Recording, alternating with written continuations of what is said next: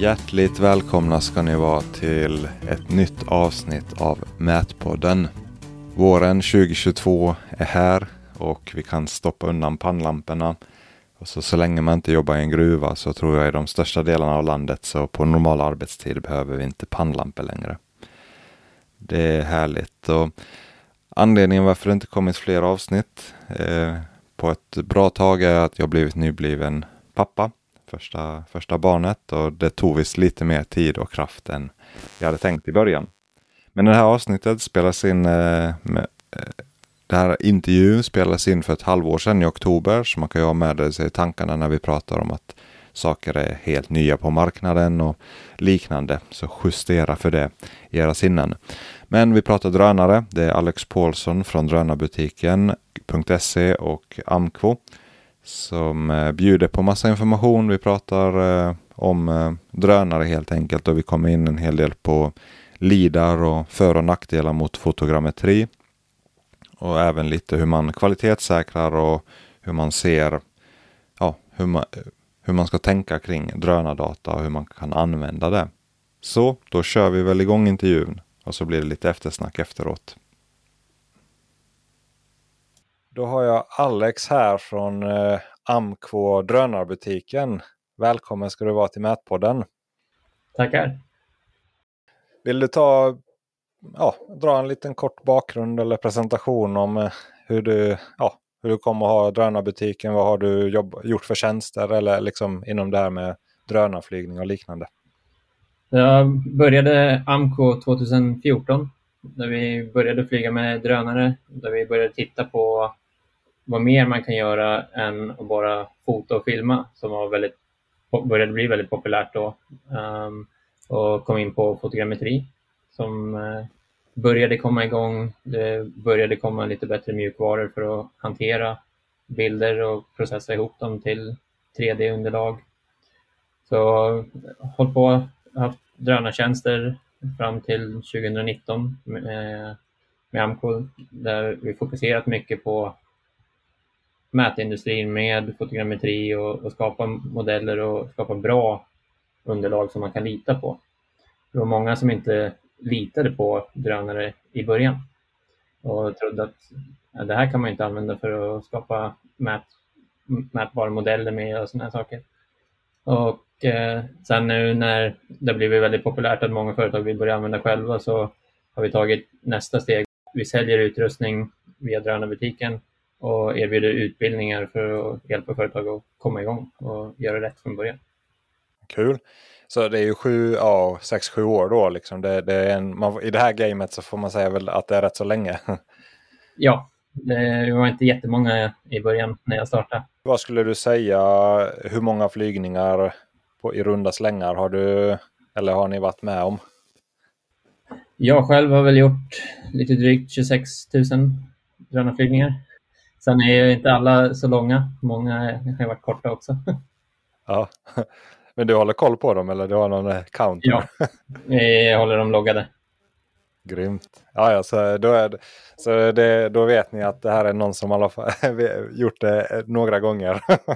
så du, du, har gått, du, du har bra erfarenhet. Men, men om man tänker sig att vi pratar för, vi förutsätter att du som lyssnar kanske har koll på drönare lite grann och vet i alla fall vad, ungefärligt vad fotogrammetri är. Men alltså om du drar lite mer generellt, var, varför ska man använda drönare? Så vad kan man göra utöver om vi ska säga drönare och framställa punktmoln från fotogrammetri. Så man kan använda drönare mycket till inspektioner.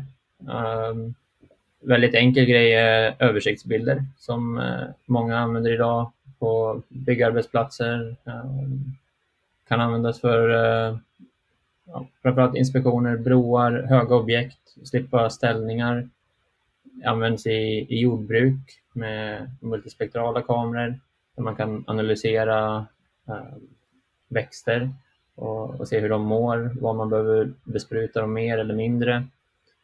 Och berätta, berätta lite mer om det. För det, jag bara läst om det där att just i jordbruk, men hur, hur funkar det där med multispektral? Så man använder uh, osynligt ljus som man inte kan se med ögat egentligen. Som I de här multispektrala kamerorna har man mycket fler band än RGB som, som vi ser. Då. Och på så sätt som kan man få ut andra nyanser som vad, vad växterna strålar ut för någonting och kan analysera dem på olika sätt. Lite enkelt sagt. Um, och på så sätt kan man se hur växter mår, om de, om de behöver mer vatten eller syre eller vad det kan vara. Mm. Ja, för det, det, man räknar fram någon sån där en... en NDVI. En, ja, och det är någon grönt och rött ljus och infraljus och så någon slags index på det.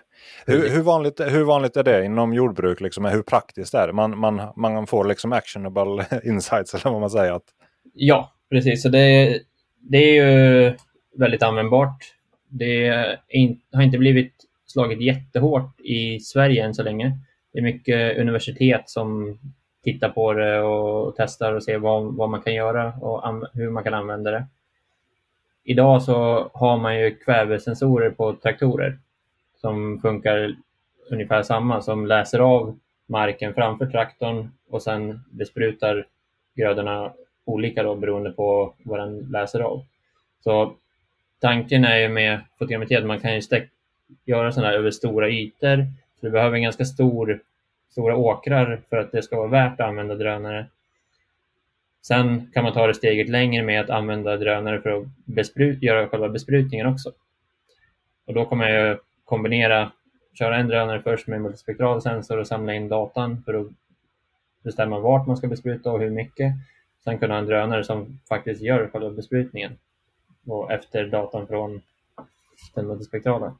Häftigt. Äh, så det, men det måste bli större drönare eller? Ja, sådana besprutningsdrönare är ganska stora. Så, ja, så de kan väga upp mot 50-100 kilo. Ha. Men det finns alltså, finns det några i produktion i Sverige eller är det i andra länder? Eller?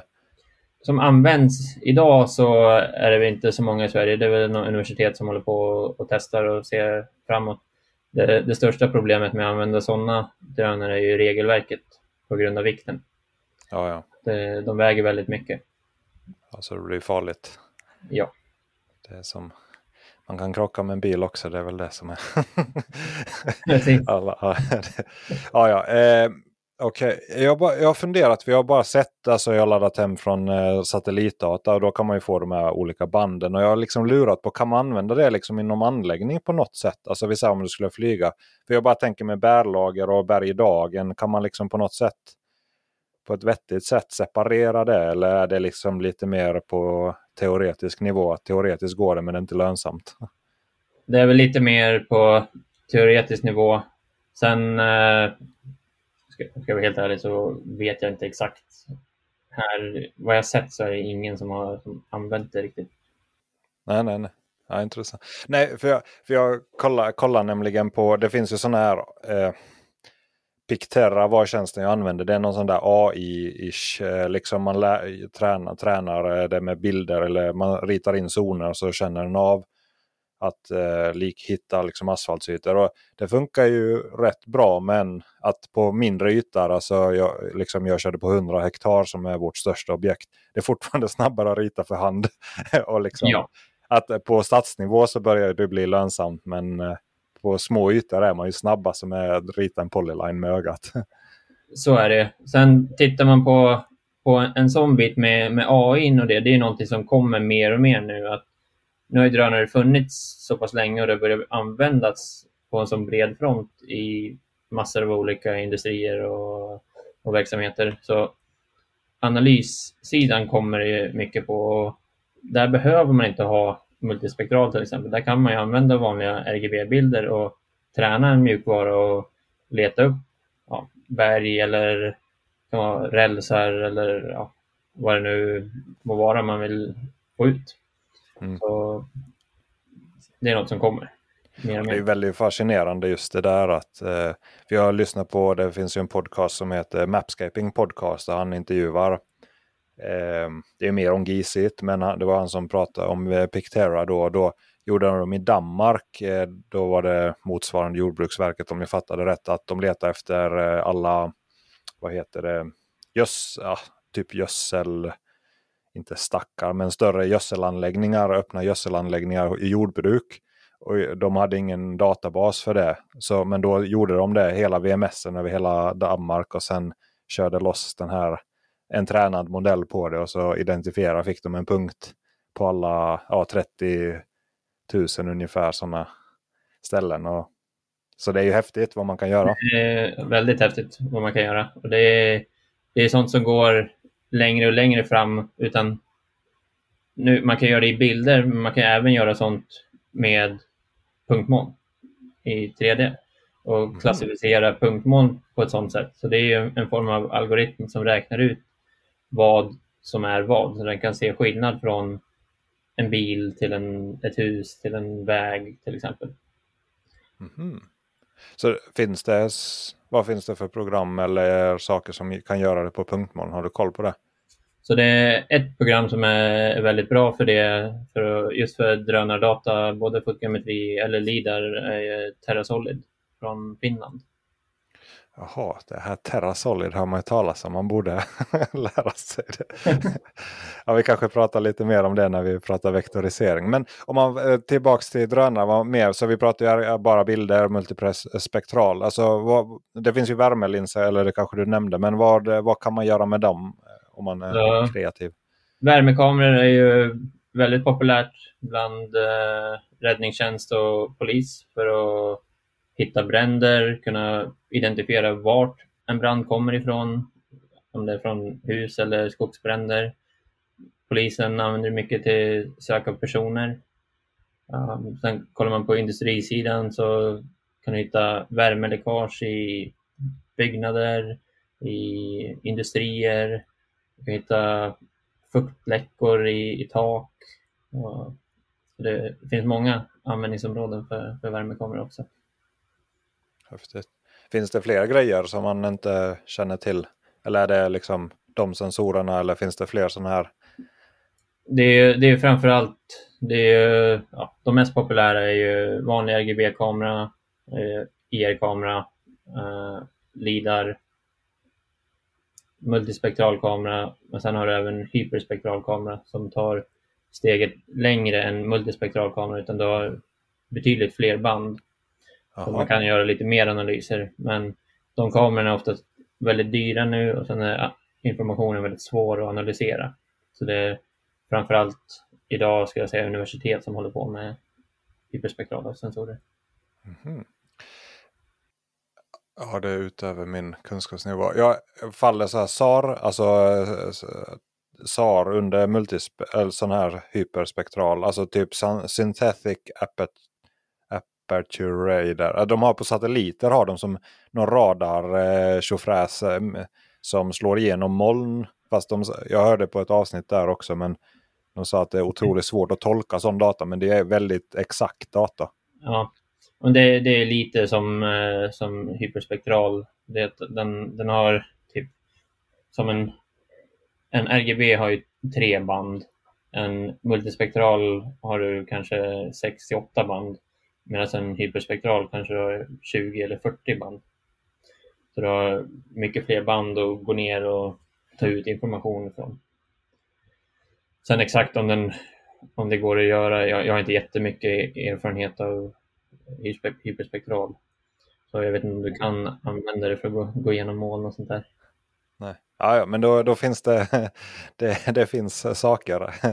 Men eh, då, eh, om man tänker då på, eh, ja drönare är ju i luften då, men jag ser ju du säljer ju hjul, hjulburna och vattenburna. Vad, vad använder man sådana till då?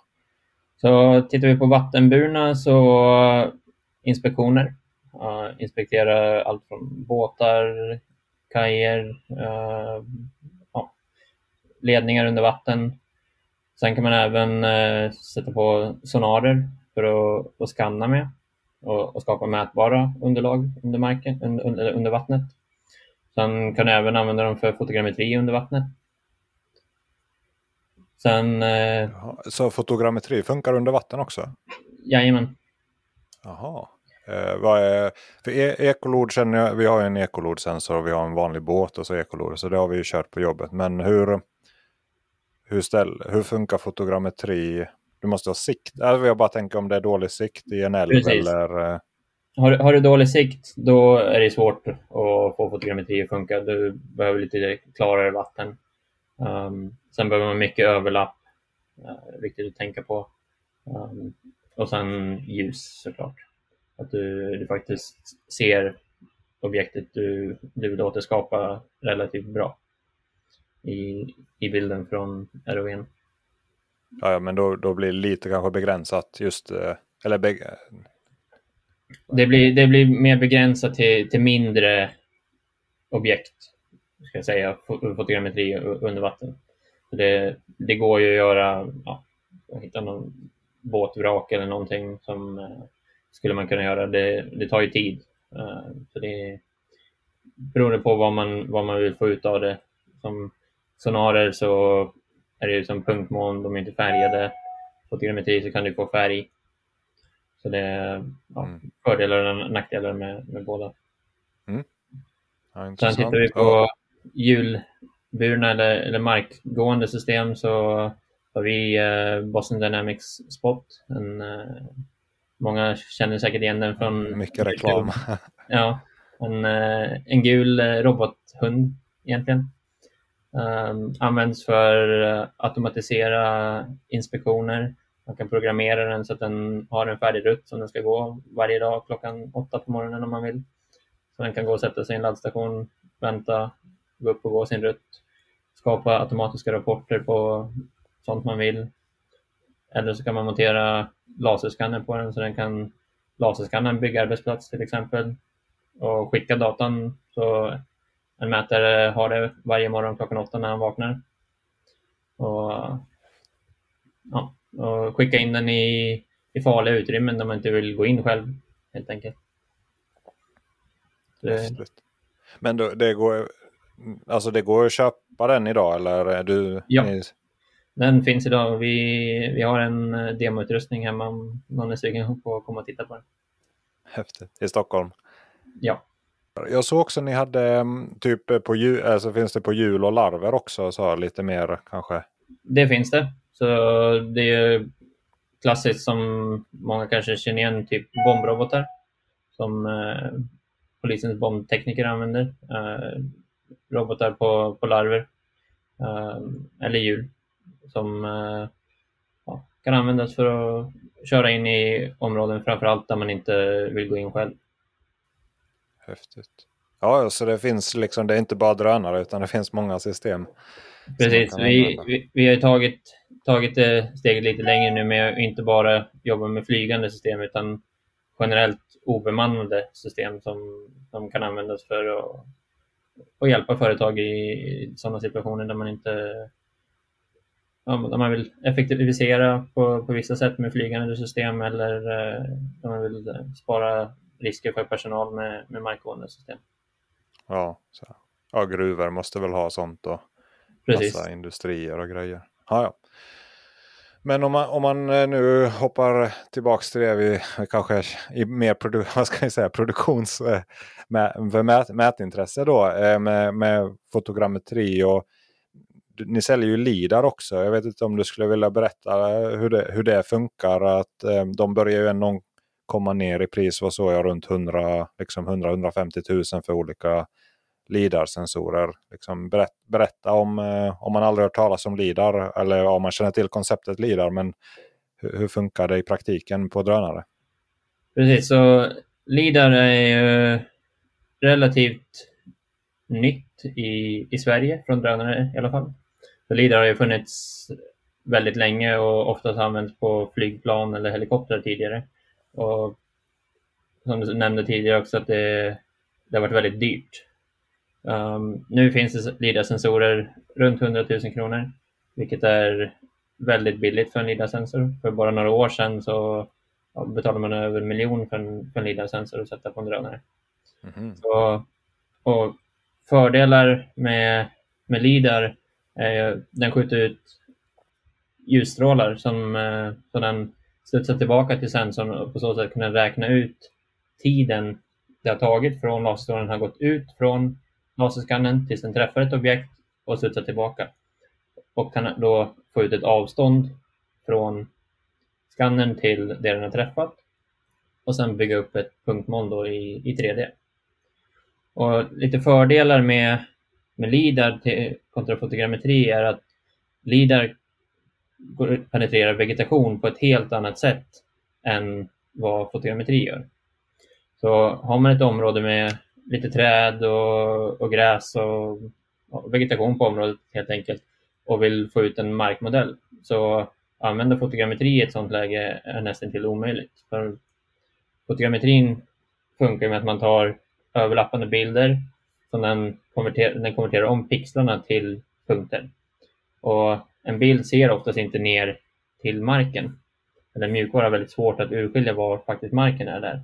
Medan lidan träffar, oftast kan man se ner till en markyta så kan en leader se ner och, och få träffar där nere. Och på så sätt får man en mycket bättre täckning. Sen är någonting man måste man vara medveten om är noggrannheter. Så med, med LIDAR idag kan man få någonstans 2-3 cm noggrannhet på, på hårda ytor. Ehm, um, 5-10, mer närmare 10 på, i vegetation. Medan fotogrammetri så kan du få betydligt högre noggrannhet på hårda ytor om man är noga och inte flyger så högt eller för snabbt. Så man får välja lite tekniken beroende på vad man, vad man ska få ut för någonting och vad man har för krav. Mm. Ja, det där är nog... Det var intressant. Ja, alltså lidan har inte lik... Alltså på hårda, hårda ytor så blir det egentligen lite sämre teoretiskt. Och... Precis. Sen en stor fördel med, med LIDAR kontra fotogrammetri är ju processtiden. Att tiden det tar att få ut ett färdigt punktmoln som man kan jobba vidare med är oftast en, en tiondel av tiden. Mm. En yta som tar en halvtimme att flyga med, med LIDAR kanske tar ja, upp till en halvtimme att processa för att få fram det här punktmolnet. Sen med fotogrammetri så en sån flygning kan ta flera timmar. Mm. Så det, där skiljer det väldigt mycket. Det måste väl vara en av de stora fördelarna. Att jag bara tänker på ja. jobbet vissa veckor så nu flyger vi inte bara hela tiden men ofta känns det som att det är datorn det hänger på att det blir flaskhalsen för eh, projekt. Ja, så, så är det ju ofta att eh, många organisationer måste ha en, med fotogrammetri måste man ha en specifik processdator som sitter och processar den här datorn, datan för man kan inte använda den till någonting annat under den tiden. Och sitter den och processar i, i flera timmar så kan man inte göra någonting annat. Medan med, med LIDAR så kan du egentligen flyga, ta in datorn, kan du använda samma dator som du jobbar med, men att du går och tar en kaffe egentligen under, under tiden och kommer tillbaka så är den i princip färdigprocessad. Det är en jättestor fördel. Verkligen. Hur, hur eh, är processen samma med grund, alltså markstöd, GCP-punkter och liknande med LIDAR eller hur skiljer det processen något an sig? Så det är ungefär samma. Man, eh, man ska, någonting man ska alltid göra är att ha markstöd och eh, kontrollpunkter för att kunna kvalitetssäkra sina underlag. Så det är, det är någonting som nu när drönare börjar komma med RTK är det många som tror att ja, men drönaren har RTK, vi behöver inte ha markstöd eller lika många markstöd. Men det är någonting som vi alltid rekommenderar och är ett måste att ha så man kan alltid kontrollera sin data och faktiskt bevisa att den här datan har den här noggrannheten. Och, och processen ser ungefär lika nog, likadan ut. Man, man lägger ut plattor eller sprayar kors med fotogrammetri. Man gör ungefär samma med, med LIDAR. Uh, för att justera höjden med LIDAR så behöver man inte ha några, några markeringar på marken. Men för att justera X och Y så, så måste man ha eh, markstöd. Eh, så man kan, man kan se i punktmålet. Jaha, eh, hur, hur justerar man höjden eller kalibrerar man den? den där finns det mjukvaror då som kan justera hela punktmålets höjd mot de här markstöden. Och på så sätt så behöver du inte ha någonting som, som mjukvaran som ser, utan den vet att de här markpunkterna är den höjden jag vill att punktmålet ska ligga på. Och då kan jag justera upp hela punktmålet eller ner till, till den höjden. Ja, ja, det förklarar lite. För eh, vi flyger eller hyr in Terratech då eh, ibland på flygplansskanning eh, när det är trafikverksjobb, alltså lite större jobb.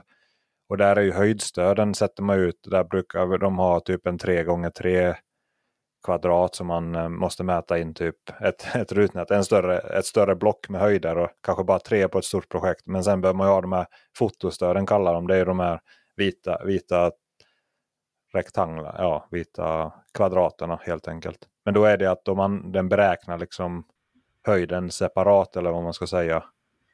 Man kan, man kan justera det i XYZ i ett Eh, så den tar alla tre om man vill. Men sen kan man ta höjden separat också om man vill. Så det beror lite på, är, höjden mer noggrann än, eh, noga än äh, en XY så, så, så kan man köra bara höjden om man vill. Mm. Hur, hur blir punkttätheten med LIDAR eller hur tajt kan man eh, göra det? För jag upplever LIDAR-punktmoln om man beställer typ så, ett flygplans LIDAR-moln är mycket, mycket tätare än ett punktmoln fotogrammetriskt framställt. Så det, det beror lite på. Man kan, eh, man, man kan ställa det, det beror på, helt på hur, hur fort du flyger. Um, ju snabbare skannen åker förbi ett område, desto färre punkter får du. Så, sen beror det på vad man har för typ av laserskanner. Så tittar man på en sån här laserskanner för runt 100 000 så skjuter den ut ungefär 240 000 punkter per sekund med, med en enkel retur eller med tre returer så tar den 160 000. Så tittar man och jämför det med en helikopterskanner till exempel eller flygplansskanner som kanske tar flera hundratusen i sekunden. Även med, med högre hastigheter så det finns en... Ja, det är ganska svårt att, att säga var punkttätheten ligger någonstans. Det beror helt på vad, vad man beställer egentligen man, man kan alltid anpassa den. Men, men att generellt eh, man kan få väldigt tätt. Ja. att om jag bara tänker så här om man skulle, jag tänker lite så här väg, vägbygge, ofta är ju fotogrammetrin är ju kass på att fånga kantsten tycker jag. Och liknande så små skarpa objekt och skyltar försvinner gärna och liknande. Ja. Att det, lidan eh, blir ju fördel där antar jag ja, det är, det är mycket lättare med, med LIDAR. Ofta så räcker det med att man flyger förbi från ja, två håll så, så har du med ett sådant objekt. Med fotogrammetri så, så måste du verkligen fokusera och ta bilder fokuserat på det objektet för att du ska du får med det tydligt. Mm. Så, eller flyga väldigt lågt för om du vill ha med kantstenar och sådana här saker. Mm. Ja, eh, vad finns det mer att tänka på LIDAR? Eh, hur, hur funkar det? Där, slår, alltså om man tänker med vegetation lite mer där. Slår den igenom vegetation eller är det mer att den är bättre på att hitta luckorna? Eller hur, hur ska man tänka där? Precis, så den, den slår ju inte igenom vegetation. Utan det är att den är, är bättre på att hitta, hitta luckor helt enkelt. Och många laserskannare har ju flera returer. Vilket betyder att en laserstråle kan träffa upp till ja, ett visst antal gånger. Så ja, säg tre returer så kan en stråle träffa ett löv på toppen av trädet men inte hela laserstrålen träffar. Då fortsätter laserstrålen ner och träffar ett till löv kanske. Och sen mm. finns det fortfarande utrymme kvar på den här laserstrålen som fortsätter ner till marken och sen studsar tillbaka. Så på så sätt kan den komma ner i, mellan luckor på ett bättre sätt än vad, vad fotogrametri gör. Mm. Ja, ja, så, så då, ja, då blir det liksom den hittar små luckor och, ja. och, så kan man väl filtrera ut de lägsta punkterna eller hur det nu funkar. Precis. Okej. Okay. Mm. Det går fort. Är det, är det samma programvara som, alltså om man har Pix 4D eller Agisoft eller, eh, är det, eller behöver man special eh, mjukvara för LIDAR-processande? Så själva processandet så kommer de flesta LIDAR-skannrarna med en mjukvara för att processa rådatan till ett punktmoln. Sen blir det lite som med, med Pix4 och Agisoft, att du jobbar fram ett punktmoln. Sen lyfter de flesta in det i någon annan mjukvara för att arbeta vidare med det. Så du, du kan ju till exempel lägga in ett LIDAR-punktmoln i Agisoft och, och jobba vidare med det där och göra lite volymberäkningar och skapa en markmodell där till exempel. Mm. Ja, en LIDAR-sensor tar ju inte bilder, men kan man kombinera eller få ett eh, liksom färgsatt punktmoln ändå på något sätt? Jajamän, det, det kan man göra. Så de flesta LIDAR-sensorerna idag kombinerar en, en kamera. Så att eh, en del har det som tillval, en del har det inbyggt i, i skannen. Men du, du sätter på en kamera helt enkelt som, som färglägger punktmolnet. Och tittar man på den eh, nya eh, lidaren från DJI till exempel som är den som är mest prisvärd idag, som för runt 100 000, så kommer den med en inbyggd kamera som kan färglägga punktmolnet i realtid. Så att du ser punktmolnet under tiden du flyger så, så bygger den upp punktmolnet i 3D i färg. Så du kan snurra och titta på modellen medan drönaren fortfarande är i luften och skannar.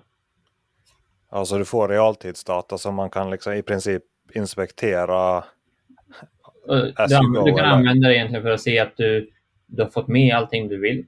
Att mm. du har täckning överallt. Och, så att du inte åker ut och sen kommer hem och inser att oj, nu har jag missat en del här. Utan mm. du, du, får, du får feedback på det direkt i, i skärmen när du flyger. Det är ju väldigt bra. Alltså för det, ja, för det sparar ju. Missar man grejer och då kostar det pengar. ja, precis. Ha, intressant. Om man tänker sig att man har, alltså du har flugit mycket, du säljer nya drönare. Hur, eh, när är det värt att köpa en ny? Alltså ofta, det kostar ändå en del att köpa en drönare. Hur, hur ska man tänka där? Eftersom, det, eftersom ja, på ett par år, om du säger en Lidasen som har droppat från en miljon till hundratusen och ja, drönarna blir billigare och billigare varje år. Så är det. Och lite när, när jag skulle säga att det är värt att köpa en ny, det är har man ett fungerande system så, så använder man det så länge, så länge det går. Om det inte kommer någonting som skulle effektivisera det arbetsflödet enormt. Och kommer det någonting där, då kan det vara värt att titta på något nytt. Förutsatt att det, det är värt investeringen då, att man, man kan räkna hem den kostnaden lite snabbare då.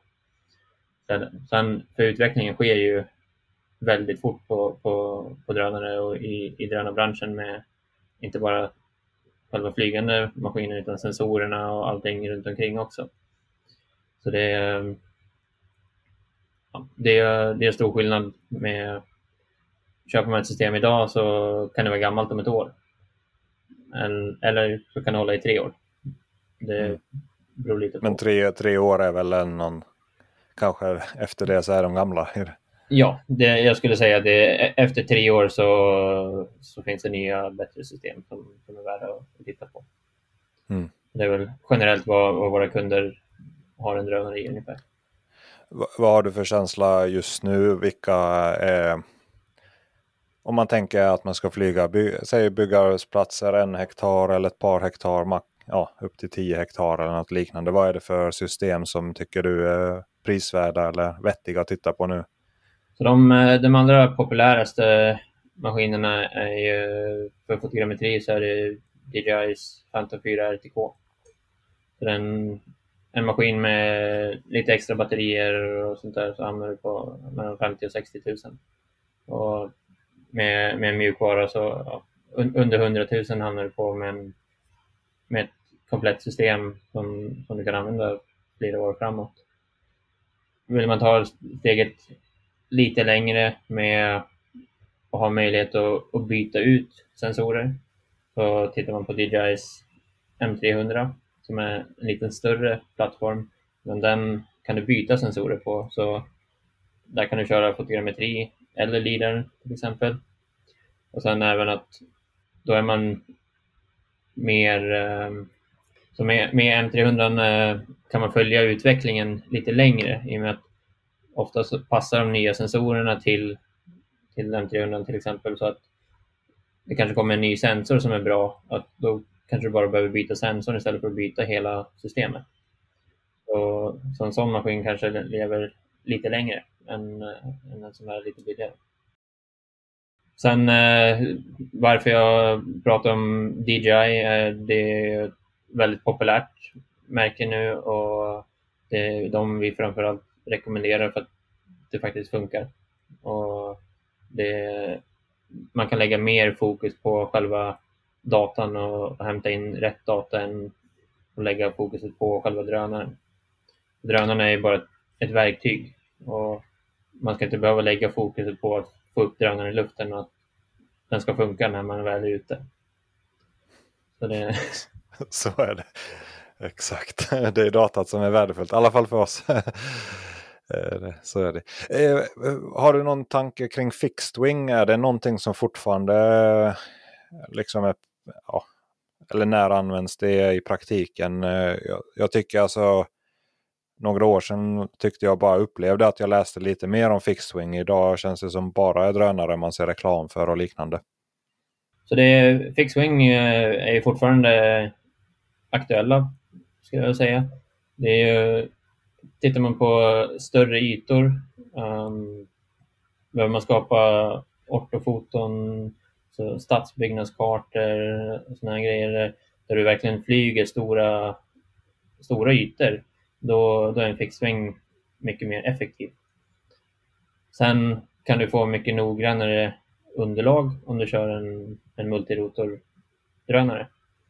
Och Du kan flyga lägre, du kan flyga med, med andra sensorer. Men, eh, men just effektivitetsmässigt vid stora ytor så, så är fixed-wing fortfarande väldigt aktuella. Okay. Vad, vad pratar man ungefärligt i storlek på ytor? Är det liksom stadsdelar? Eh, I det? Ja, när det, när det börjar bli som kvadratkilometer så då, är det ju, då börjar det som gå på gränsen med, med multirotor. Sen så, så går det såklart men det kommer ta mycket längre tid med en multirotor. Mm. Sen beror det på vad man ska leverera för, för underlag. Ska man leverera ett ortofoto då, eh, då är det ju väldigt användbart att använda en, en fixwing. Men eh, ska man leverera en, eh, en bra mätbar modell på det så kanske man, den inte klarar av det. Beroende på vad man har för noggrannhetskrav. Intressant, intressant. Ja, du, du, noggrannhetskrav avslutar det där och vi har ju touchat på det med noggrannhet. Alltså vad, vad finns det för vad, vad, ska man tänka på där om noggrannhet? För det, det är ju så, ja det är RTK, nu, nu kör vi grabbar. Att, vad, vad, vad, vad, finns det för risker? Eller om, överhuvudtaget, om vi kanske delar ja, ortofoton och markmodeller. Liksom, vad, om du har flugit 26 000 gånger så har du sett både gjort fel och sett andra göra fel ett antal gånger. Ja, så är det. Så det, det första man ska tänka på med, när det kommer till noggrannhet är att man, man ska kunna bevisa den noggrannheten man får. Så att, står det två centimeters noggrannhet i Agisoft eller Pix4D eller vad man nu använder för, för mjukvara så kan man inte bara gå ut och säga att ja, men mitt underlag har det här, den här noggrannheten för att mjukvaran säger det. Utan man ska ha underlag för att kunna bevisa den noggrannheten också. Sen den, de noggrannhetsnivåerna man får ut ur de här uh, mjukvarorna är ju alltid i förhållande till de punkterna man stoppar in. Så där är det också viktigt att hålla koll på vad man har för noggrannheter på de punkterna man stoppar in. Så använder du en RTK GPS eller använder du en totalstation. Där har du en stor skillnad på, på noggrannhet med, med vad du stoppar in för data och det påverkar också vad du får för slutlig noggrannhet på, på underlaget. Ja. Hur, vad säger du, vad är liksom kort, korta drag, hur får man en noggrann modell? Eh, hur, hur ska man tänka kring noggrannheter om du gör liksom så gener, generella tips? Så det, tittar man på, på flygbiten eller fältarbetet så är det att först sätta ut punkter utspritt över den ytan man ska flyga.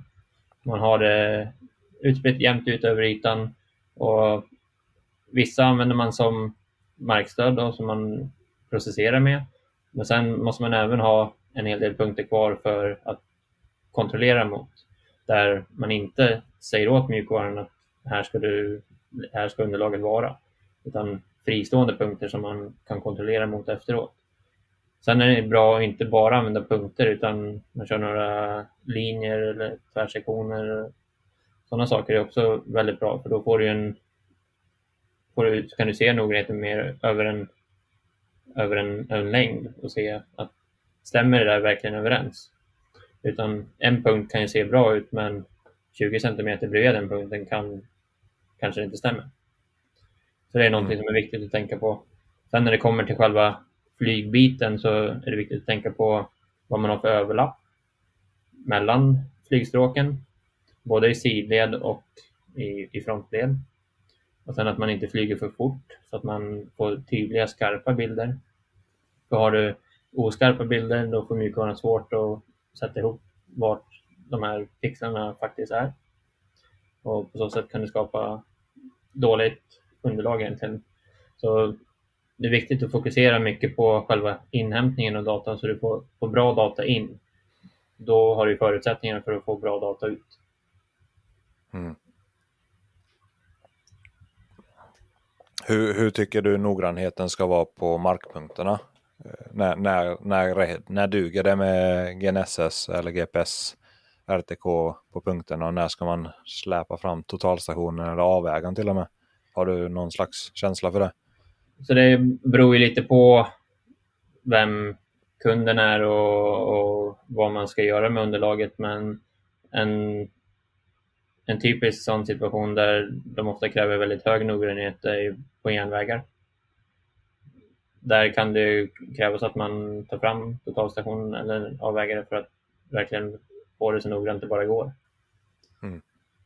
Sen ska man göra volymberäkningar, och då kanske det inte spelar så, så jättestor roll så länge den relativa noggrannheten i modellen är, är korrekt.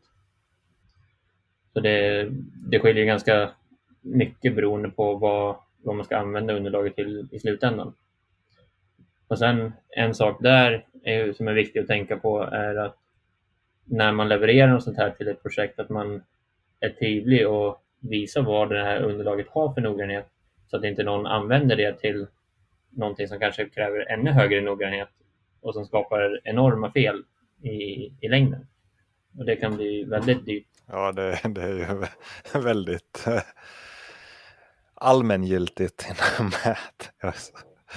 Många, ja. Det är nog många som har projekt, jag vet, många en av mina sådana, vad kallar man, pet peeves är att när man får något projat underlag på en kommunal grundkarta.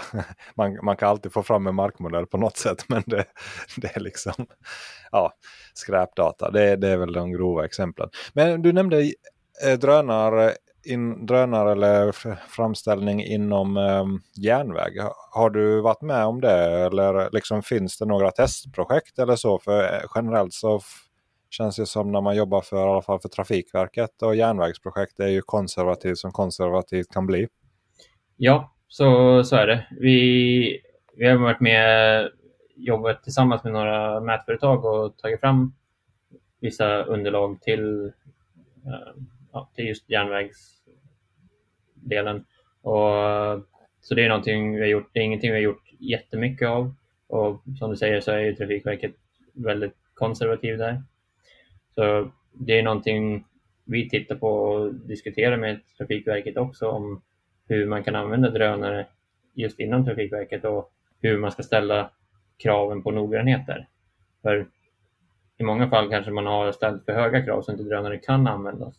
Men behöver man det, de, faktiskt de noggrannheterna för det steget? Det kanske man inte behöver så att då kanske man kan titta på att justera noggrannheten för, för just släppa in drönare på, på vissa delar. Ja, för alltså men Trafikverket eller järnväg finns ju så sjukt mycket. Alltså det här med bara eh, scanners på vagnar eller drönare. Det finns ju tekniker som just på järnväg skulle få så otrolig nytta bara man får använda dem. Ja. Eh, klart det måste vara kvalitetssäkrat men det måste man göra om man total, använder totalstation också. Man måste ha massa beräkningsrapporter och ansluta anslutningsnät och bruksnät. Så att det måste ju kunna gå med fotogrammetri eller liksom med allt annat också. Ja, det, det, tycker jag också. Och tar man fram en, eller tar Trafikverket fram en, en bra process för att hur man ska kvalitetssäkra datan som man levererar till dem också, så, eller det behöver inte bara vara Trafikverket, men om man har en sån process som man ska följa för att bevisa hur man kvalitetssäkrar den datan man levererar, så borde det inte finnas några, några anledningar till att inte använda det. Mm. Men om man tänker sig, kom, kommer du på några tillfällen som det har blivit fel i modeller som du, tänker, som du kommer på så här? Att, ja, eh, det, det har ju definitivt. Som du vill dela med dig av? det, det har ju definitivt hänt att, eh, ja, framförallt i början när vi, när vi började med fotogrammetri så, så var det, ju, det var mycket testande fram och kamerorna var inte lika bra då.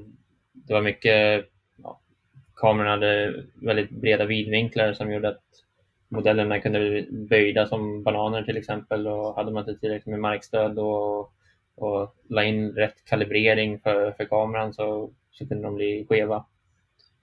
Så det är någonting som har blivit betydligt bättre nu över åren. Så tittar man på en Phantom 4 RTK till exempel så kommer den med en färdigkalibrerad kamera som, som är gjord för att användas med fotogrammetri. Sånt fanns ju inte tidigare när, när vi började. Mm. Så jag har gjort en, en hel del sådana misstag också. Och som tur är lärt mig av dem.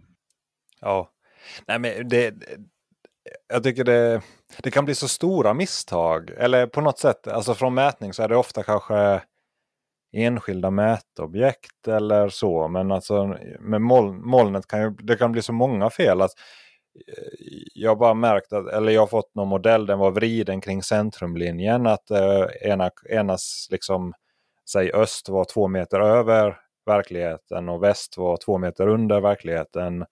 Ja. Eh, fått eh, ja, helt, helt fel höjdsatta. Ja, det var väl fel på markstöden då. Det har jag fått bara två veckor sedan fel på, på markstöd. Koordinatsystem är också någonting som är, som är viktigt. Att man, man använder samma koordinatsystem som, som kunden vill ha.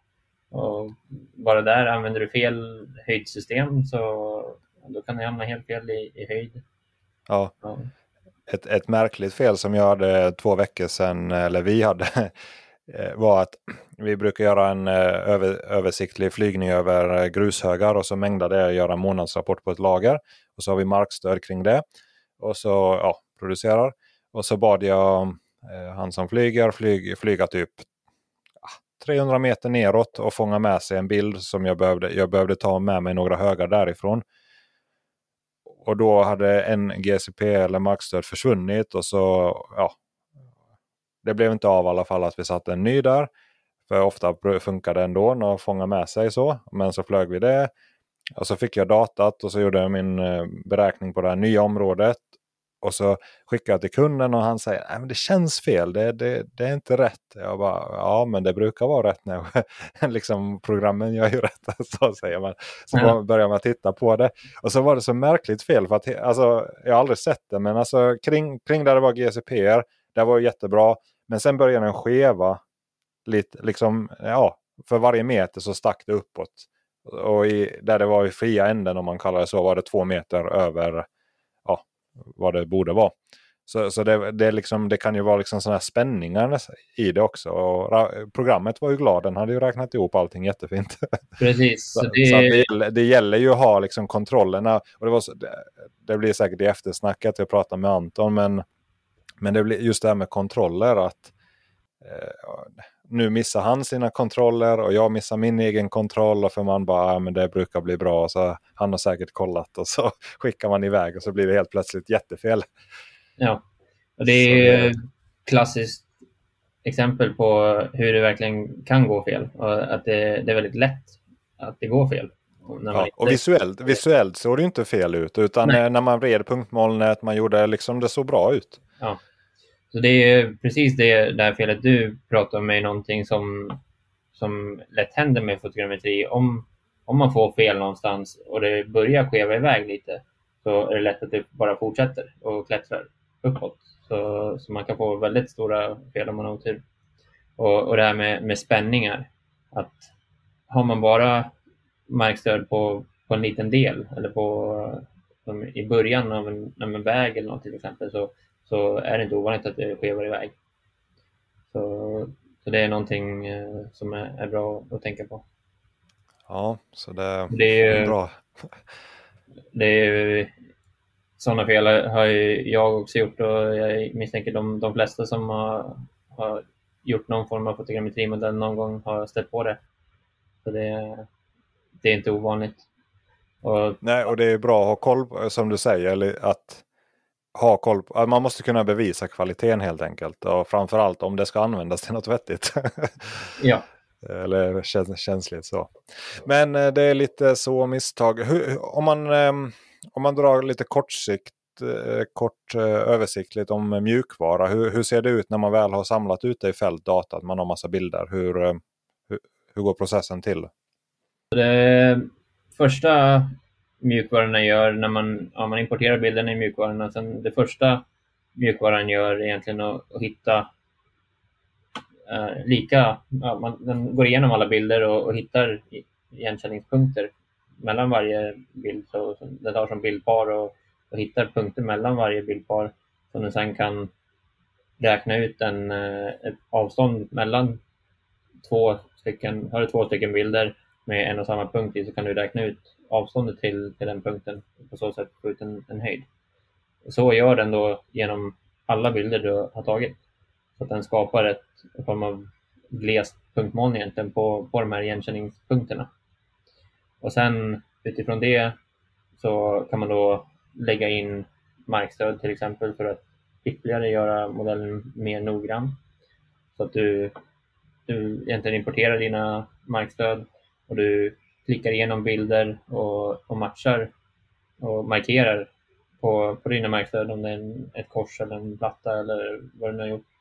Centrumpunkten där du har satt, där, där, där du har mätt och markerar den i ett antal bilder. Och, så du säger åt mjukvaran att den här punkten är här i bilden och den har den koordinaten. Så då vet mjukvaran att den här punkten har den koordinaten och så gör du så på ett, på ett antal markstöd. Och sen gör du en form av eh, omprocessning med, med det här glesa punktmålet med de markstöden inlagda. Så då ökar den noggrannheten på, på underlaget du har skapat. Och sen efter det så kan du då börja bygga som modeller eller bygga punktmoln av det. Så när du väl har nått det steget så har du som där, det är där du sätter kvaliteten på, på det underlaget du ska jobba vidare med. Och då kan du skapa ett punktmoln eller en, eh, en markmodell eller en eh, ja, terrängmodeller och ortofoten och sådana saker. Ja. Hur, um, hur, hur klassar man punktmoln? Alltså klass, klassning är ju att i ett punktmål, om man får ett punktmål så kan man ofta filtrera på värden. Att det här är byggnader, det här är markpunkter, det här är vatten och så vidare. Hur, hur eh, gör man det? Så det finns ju två sätt egentligen. Ena är att du, du gör det manuellt. Att, uh, det, det tar extremt lång tid och att då väljer du själv punkter i, i ett punktmål och så ändrar du klassen på det egentligen. För ett punktmoln blir som uppbyggt i, i lager, kan man säga, när, när man har klasser. Så att då lägger du bara den delen av punktmolnet i ett annat lager under en, en viss klass. Och sen andra sättet är ju att göra det automatiskt med hjälp av mjukvarorna som finns. Och där finns det ju vissa som är bra och vissa som är, är mindre bra på, på olika delar. Och som jag nämnde tidigare, TerraSolid där är ju en väldigt bra mjukvara för just klassificera punktmål. Och, ja.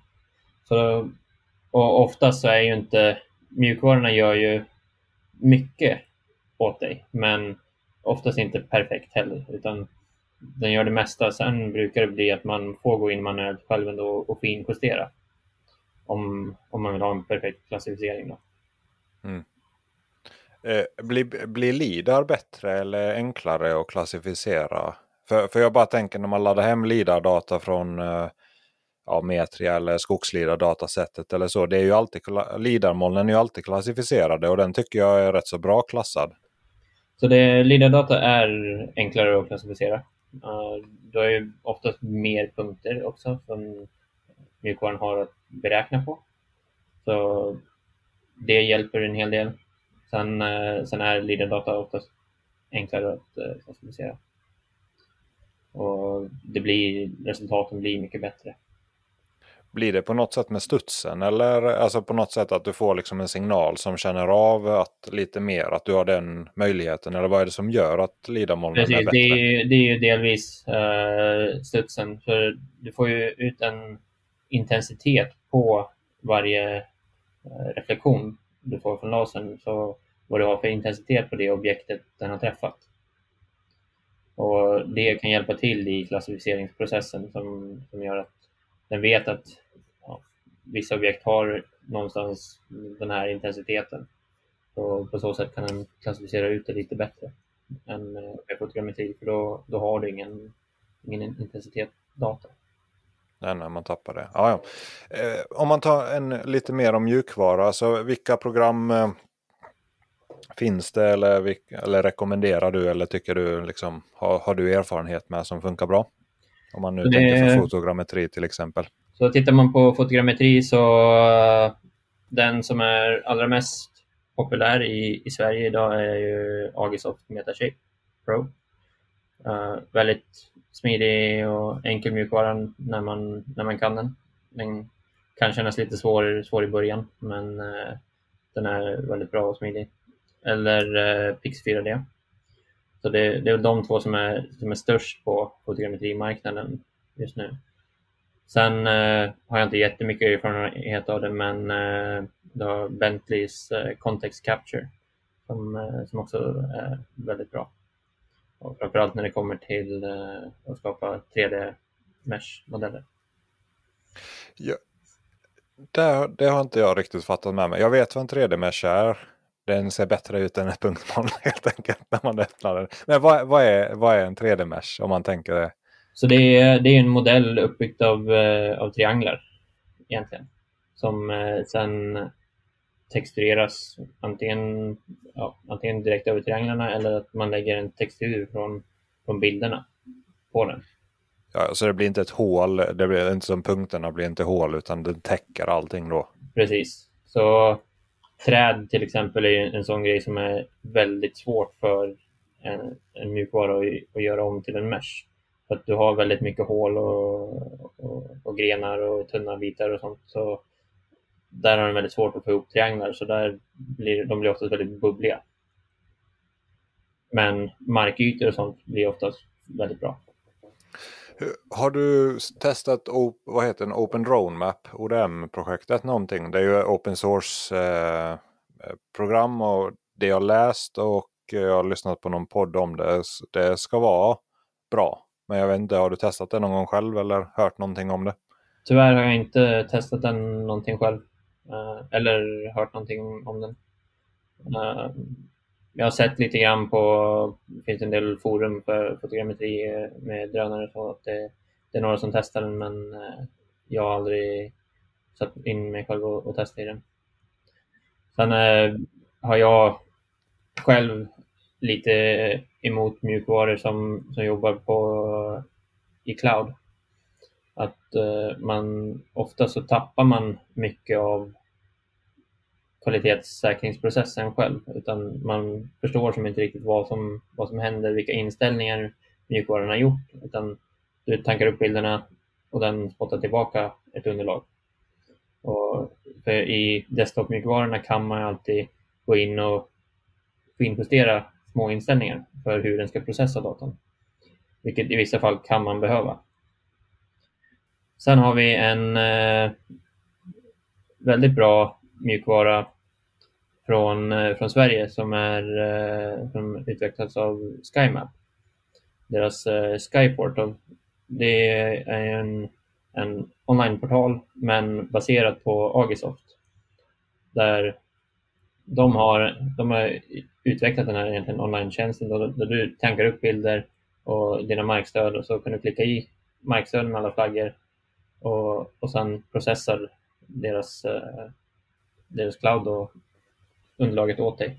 Och sen har du även en online viewer där som är väldigt smidig om man vill dela med sig underlag till kunder.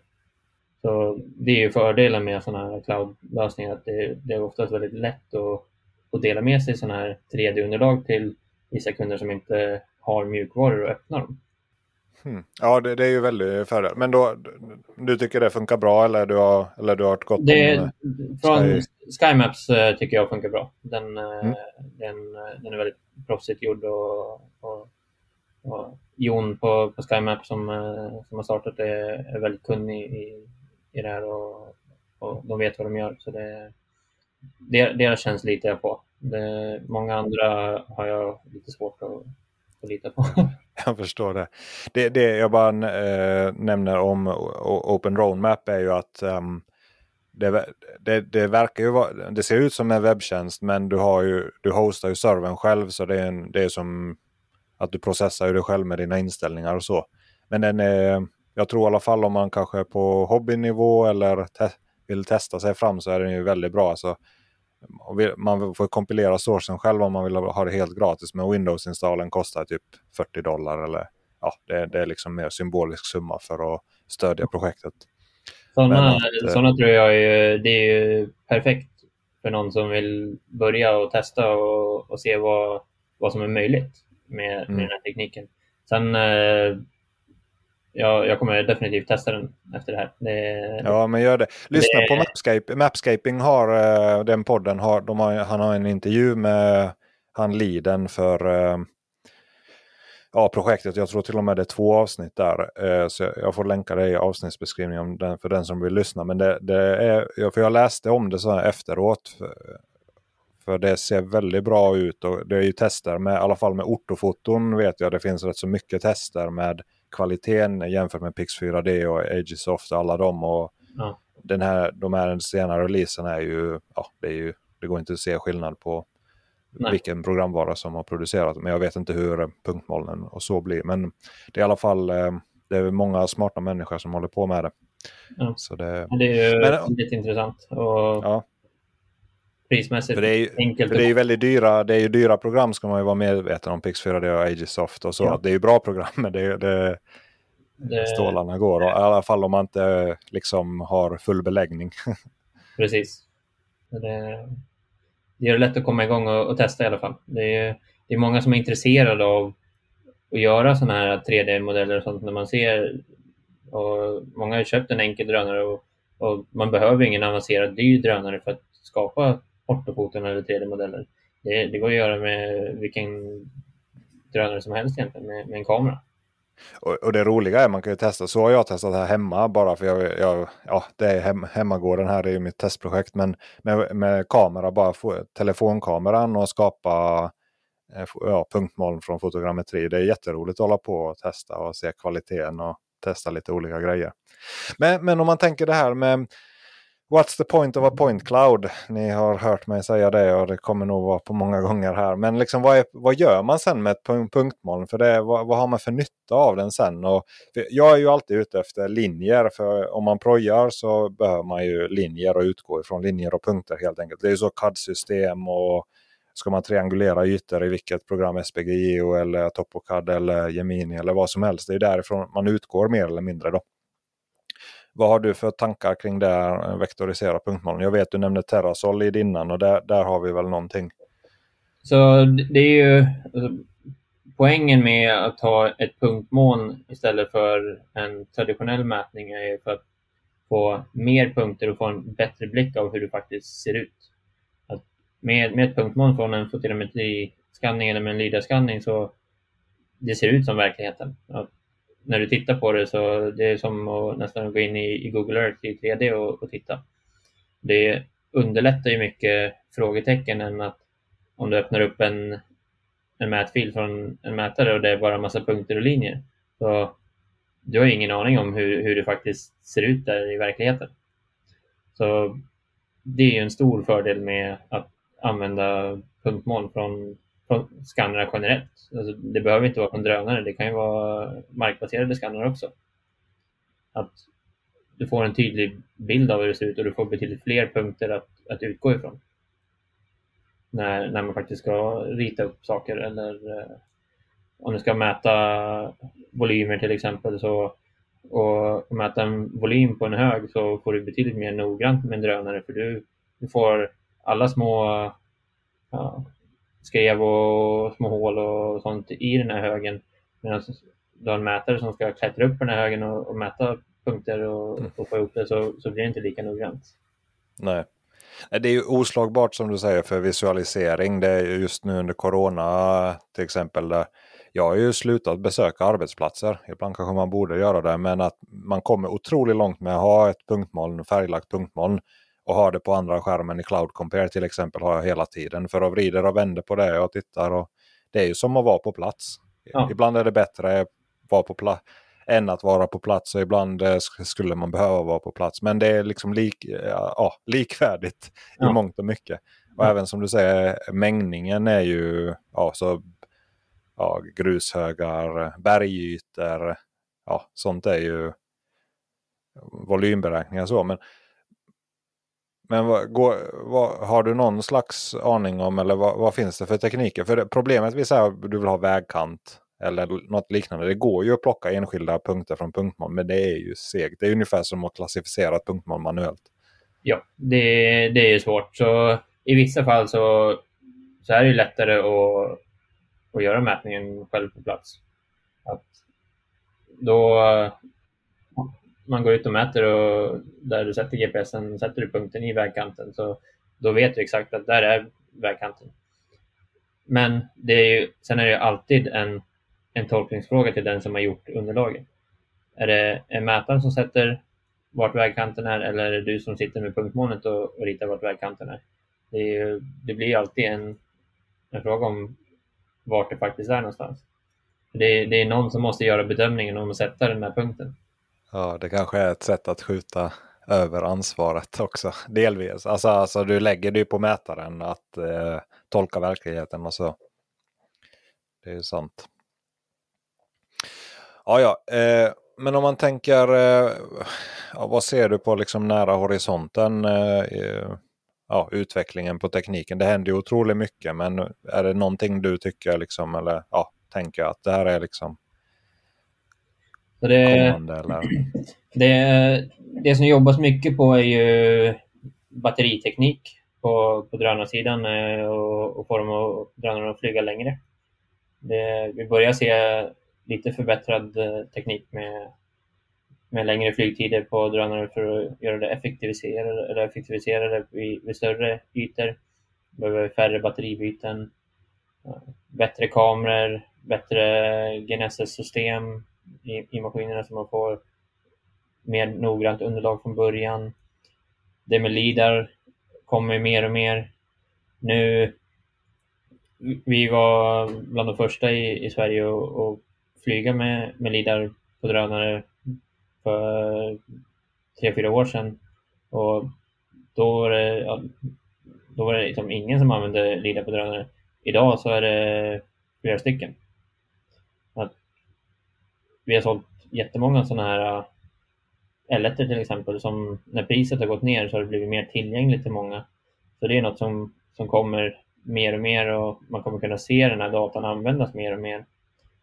Sen på utvecklingssidan så mjukvarubiten kommer komma långt fram. kommer komma mer och mer effektiva mjukvaror där och mer automatisera vissa steg så att man, man behöver göra mindre manuellt och det, det blir bara bättre och bättre över tiden. Om jag kollar på från när jag började använda Pix4D 2014 till exempel så är det en helt annan mjukvara idag. Och det går 20 gånger fortare att processa ett underlag idag än vad det gjorde då. Så sådana saker utvecklas hela tiden. Sen kommer det att komma mycket med kamerateknik kommer säkert utvecklas mer och få större, bättre sensorer i, i mindre format och kunna använda det på mindre, mindre maskiner. Och um, mindre, mindre drönare med, generellt med, med bättre sensorer är något som, eh, som också kommer långt på. Så tittar vi på eh, LIDAR till exempel så är ju de flesta drönarna man använder LIDAR på är ju väldigt stora. LIDAR har alltid varit en tung utrustning som man behöver en stor maskin att flyga på. Men eh, jag var i, eh, i Schweiz för en månad sedan och var med och tittade, hade en förtitt på Leicas nya eh, BLK Fly som är en, eh, en helt ny utrustning som är en, en laserskanner inbyggt i drönaren. Ja, berätta om den, för den ser ju riktigt häftig ut. Så det är en, en laserskannande drönare som väger under 3 kilo. Vilket är, det finns ingenting på marknaden som är i den viktklassen med LIDAR. Och det är i princip en BLK to go som många kanske känner till.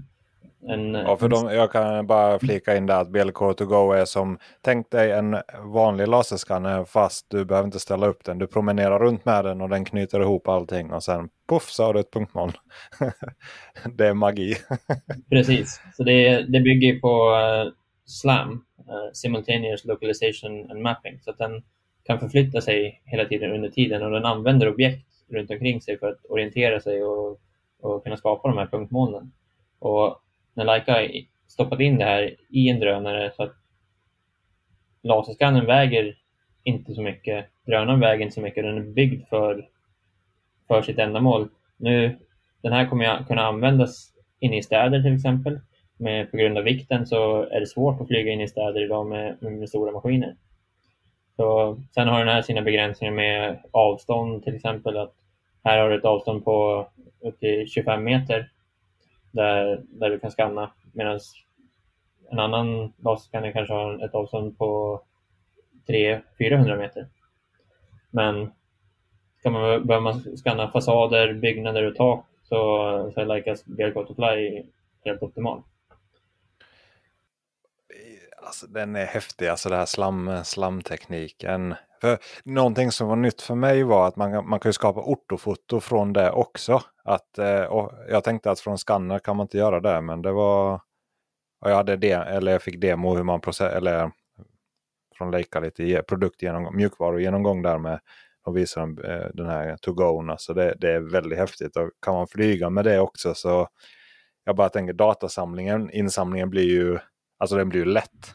Ja, och det, är, det är någonting som eh, Leica verkligen har fokuserat på med BLK to Fly är att traditionellt sett så med en drönare så har du en fjärrkontroll, en skärm, ibland inbyggda, och, men du styr drönaren med den. Med BLK to Fly så, så har du en iPad. Och det är allt du, du har, där du får upp ett livepunktmoln i skärmen, du använder virtuella joysticks på iPaden för att flyga drönaren när du vill flyga den manuellt. Annars så kan du peka ut fyra hörn på, på en fasad till exempel så räknar den ut själv hur den ska flyga och skanna av den här byggnaden. Vilket går till, tar det lite till nästa steg med det här med att automatisera själva insamlingsprocessen. Att man kan lägga mer fokus på att förädla datan och, och göra någonting med den. Ja, det, det, är fräckt alltså. Men det, jag bara tänker för bygg, byggare måste det göra, komma att göra jättestor skillnad. Och, alltså, tänk bara mängder för fasadställningar och material och fönster, reparationer. Liksom kunna på, mäta på millimeternivå hur någon list på någon gammal fasad går. Kunna skicka det till fabriken och göra det och veta att det passar, ta ut för fönster. Alltså det finns så otroligt mycket man kan göra med just när det blir den detaljrikedomen som laser eller laserskanning har. Har, har, kan man köpa dem eller är det bara fortfarande i reklamstadiet? Vad kostar en sån ungefär? För en BLK to go fattar jag, de, de var ju rätt så dyra. Vad var det, en halv mille eller något sånt? Så jag antar den här dubbelt precis. eller något. Så, de har precis eh, sänkt priset på BLK to go, BLK to go lite grann. Eh, och eh, BLK to fly finns att eh, köpa idag. Så vi har ett samarbete med, med Leica eh, här i Sverige för att, eh, för att sälja BLK to Fly och BLK to Go-serien. Och, eh, så den finns, den finns redo nu. Vi fick hem en demoutrustning till, till Leica i slutet på förra veckan. Så vi kommer kunna börja, ja, vi ska först börja flyga den lite själv och, och testa den och skapa lite demodata, men sen kommer vi kunna visa upp den för intresserade kunder. Ja, spännande. Så den är så frän än så att man måste begära offert för att få reda på pris? ja. det brukar vara så. Så det är på hemsidan. Men vad kul. Eh, om, om man tar en lite mer eh, pitch eller liksom eh, drönarbutiken. Vad hittar man mer om dig? Du har ju gett hur mycket information som helst. Jag lärde mig hur mycket som helst och jag är helt säker på att lyssnarna också har gjort det. Så det var jättekul. Vad, vad liksom erbjuder ni? Vad säljer ni? Eh, vilken geografisk område? Den sales pitchen helt enkelt. Så det, vi finns ju på dronarbutiken.se. Där hittar ni vårt utrustningsutbud. Och vi levererar till, till hela Sverige och, och Norden också. Så det, det ja, spelar inte så stor roll vart, vart kunderna är någonstans. Vi, vi når ut till dem överallt. Och för det mesta så levererar vi inom två till tre dagar över hela Sverige. Och sen eh, har vi Amco som är, vi har fortfarande kvar lite av våra tjänster, men mer fokuserade på specialisttjänster där kunderna känner kanske att de inte klarar av att flyga själva. Så då kan vi komma in och hjälpa till att flyga sådana uppdrag eh, mycket, mycket uppdrag som vi gör är att flyga inomhus eller under jord till exempel. Där det, där det krävs lite mer erfarenhet. Och ni har utbildningar också för?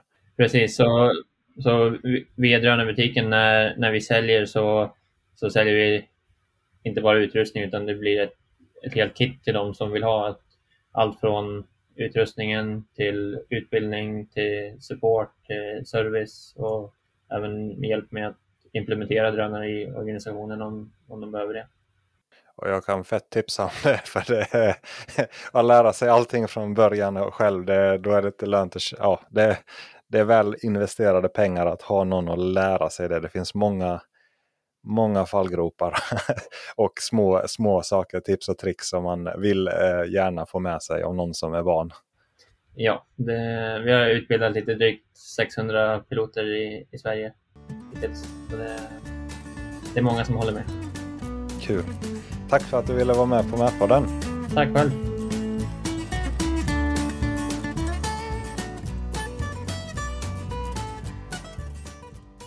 Ja, det var väldigt mycket information Alex bjöd på där. Ja, verkligen. 26, över 26 000 flygningar, det, då har man gjort det en och en och annan gång som sagt. Ja. Ja, det var ju ett tag sedan vi hade sånt här eftersnack. Det finns naturliga anledningar också. Vi, du, du hade fått barn du också va? Vi har blivit pappa i alla fall. Ja, precis. Båda två. Inte tillsammans utan med våra fruar då. Ja, så det för mig i alla fall första barnet det tar lite mer energi än vad man kanske hade räknat med.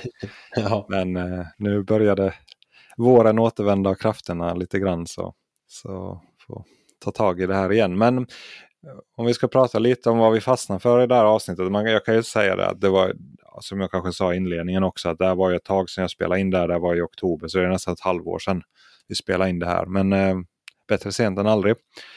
Men eh, jag tyckte jag fick en betydligt bättre grepp om skillnaden mellan LIDAR och fotogrammetri i alla fall.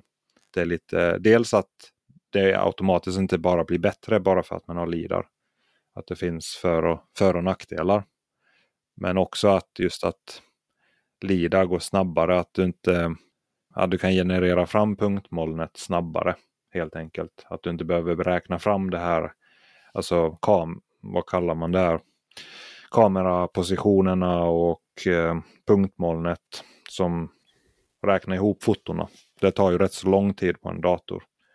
Mm. Och jag pratade med vår drönarkille, han sa att frågade ska vi skaffa oss en och Han sa ja, inte förrän vi behöver den.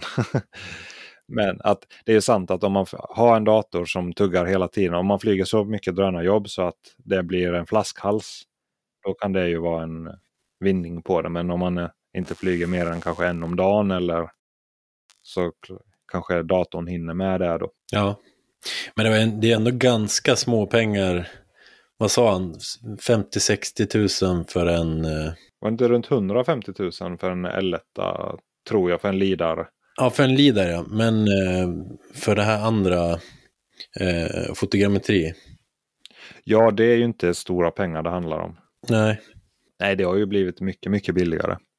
De blir bättre också, de nya. Du kan ju köpa, jag gick in på drönarbutiken.se som eh, Alex hemsida då, att det, det finns ju drönare för hur mycket som helst, liksom både några hundratusen och sen när man går upp på de här BLK to Fly, den här Leica som man pratade om i slutet, Leica laserskannen Slam Lidar.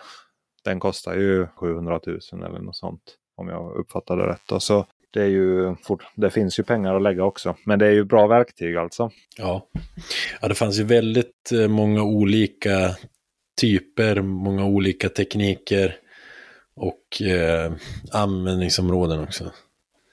Det, jag vet inte, använder ni eh, drönare på, liksom till vardags och, alltså som inhämtning av data för era typer av jobb eller där du är involverad i? Nej, inte nu nuläget. Jag, jag bara flugit någon gång över några sådana här täkter, eh, men inget mer. För det är väl eh, det självklara, eller det känns som det är bland det första liksom, uppenbara användningsområdet. Att just flyga över en täkt eller stor grushög eller grop eller där man ska mängda en volym. Det har vi gjort några år. Jag, jag har faktiskt testat, eller jag gjorde en, ett, ett tillfälle där det råkade överlappa. Vi flög drönare över en täkt och så flög vi in en hög. Och så hade jag mätare så han fick mäta in samma hög. Um, och det, var, det var en ehm, um, schaktmassor ungefär 50-55 000 kubik. Så det högen var ungefär, kan det vara, ur minnet, 200 meter lång och 70 meter bred kanske. Var den kanske lite längre. Men det tog i alla fall för eh, mätaren tog det två timmar att springa över höger med GPS. Och jag tror där är typ break-even om man nu tänker liksom tid att processa. Att, alltså drönare är inte ultimat svar på allting utan det tar ju tid att sätta ut GCPR och så ska du fly själva flygtiden är ju rätt så kort över en sån hög. Det kanske bara tar en kvart, 20 minuter att flyga över en sån yta. Men så ska du liksom in i datorn och så ska du matcha dina GCP och så ska du räkna fram det här och sen får du ett punktmoln.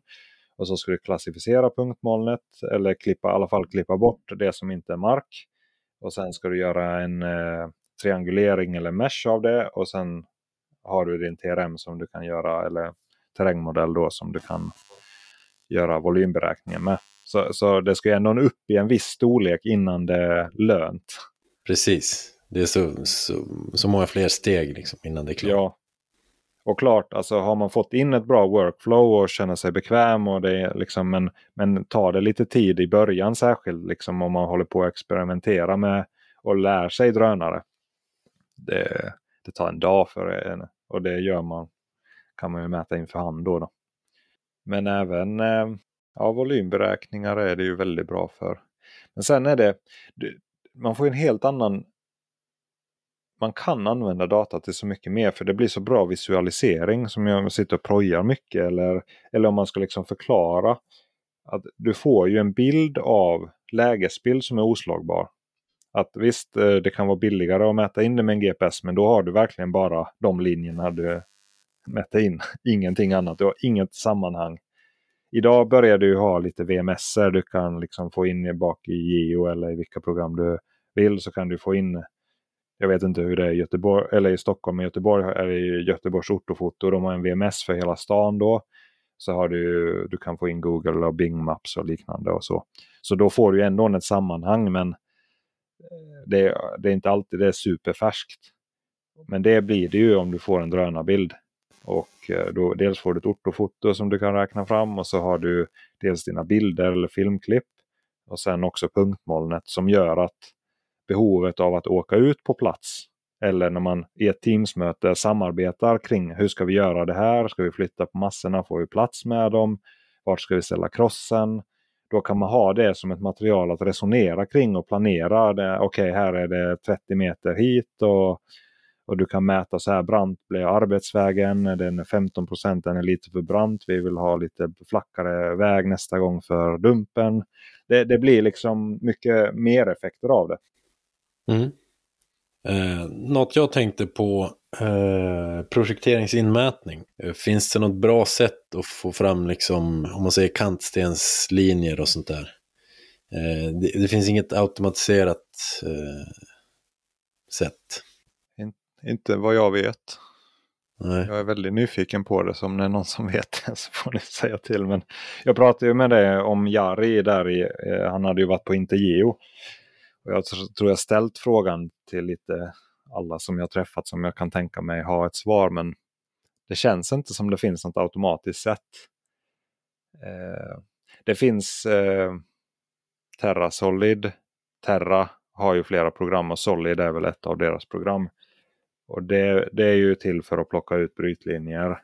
Om jag fattat det rätt, jag har inte använt det själv men vi har tittat lite på det om man skulle lära sig det. Men det är fortfarande komplicerat. Du kan göra det hjälpligt i Infraworks, ha ett semi-automatiskt brytlinjeprogram. Och har du en väg bara så kan du liksom ställa in att den känner av att här händer någonting. Här är en brytpunkt.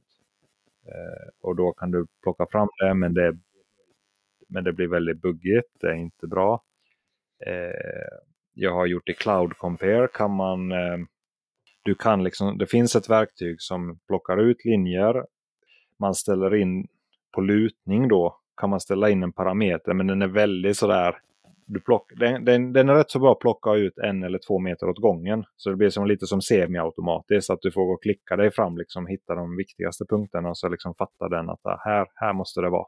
Ja. Men det är rätt så, det tar rätt så lång tid skulle jag säga. Men, men klart det går, alltså jag bara, bara tänker att de här, om man, man kan ju ett större område kan man ju beställa till exempel från eh, Terratech. Det är, ju, är det norskt bolag, då de flyger i Skandinavien säkert mer också. Men då kan man flyga med flygplan och sen skickar de det, gör de det internt eller skickar till sina underkonsulter så plockar de fram en projekteringsinmätning på det. Och den har ju bra kvalitet. Eh, för så de Lidaskannar de flyger på rätt så låg höjd antingen med helikopter eller med flygplan. Eh, och där kan de plocka ut bra linjer. Nackdelen som jag märkt nu när man börjar titta på datat lite mer är att du kan ju bara se det du ser från himlen. Eh, du kan ju inte se övervuxna diken. Det blir lätt att, vi säger som bergdagen och stenmur är svårt att skilja åt. Eh, dikesbottnar kan du aldrig få bra. De måste du nästan mäta in för hand. Eh, det är lätt att du missar eh, skyltar eller liksom mindre objekt. Eh, så, så, att det är jättebra för stora områden, alltså du har ett par kvadratkilometer som ska mätas in. Men du måste ändå, tror jag, liksom mäta lite komplettering. Åtminstone spendera en hel del tid på att kolla att du har med dig allt ja. du vill. Ja, precis. Så det är ingen sån magisk knapp bara att fixa, fixa projkarta från punktmoln. Det fanns ingen magisk knapp här heller. Nej, ingenstans. Men däremot så är det ju jättebra till exempel Alltså på väg, vi säger du kan inte stänga av en gata mitt i stan. Liksom. Du får inte lov eller så måste du jobba natt och så får du bara en kort, eh, kort tid och du har stora TMA-kostnader och så. Då är det ju kanske bra till exempel flyga med drönare på låg höjd och sen sitta manuellt plocka ut linjerna utifrån punktmolnet. Ja, just det.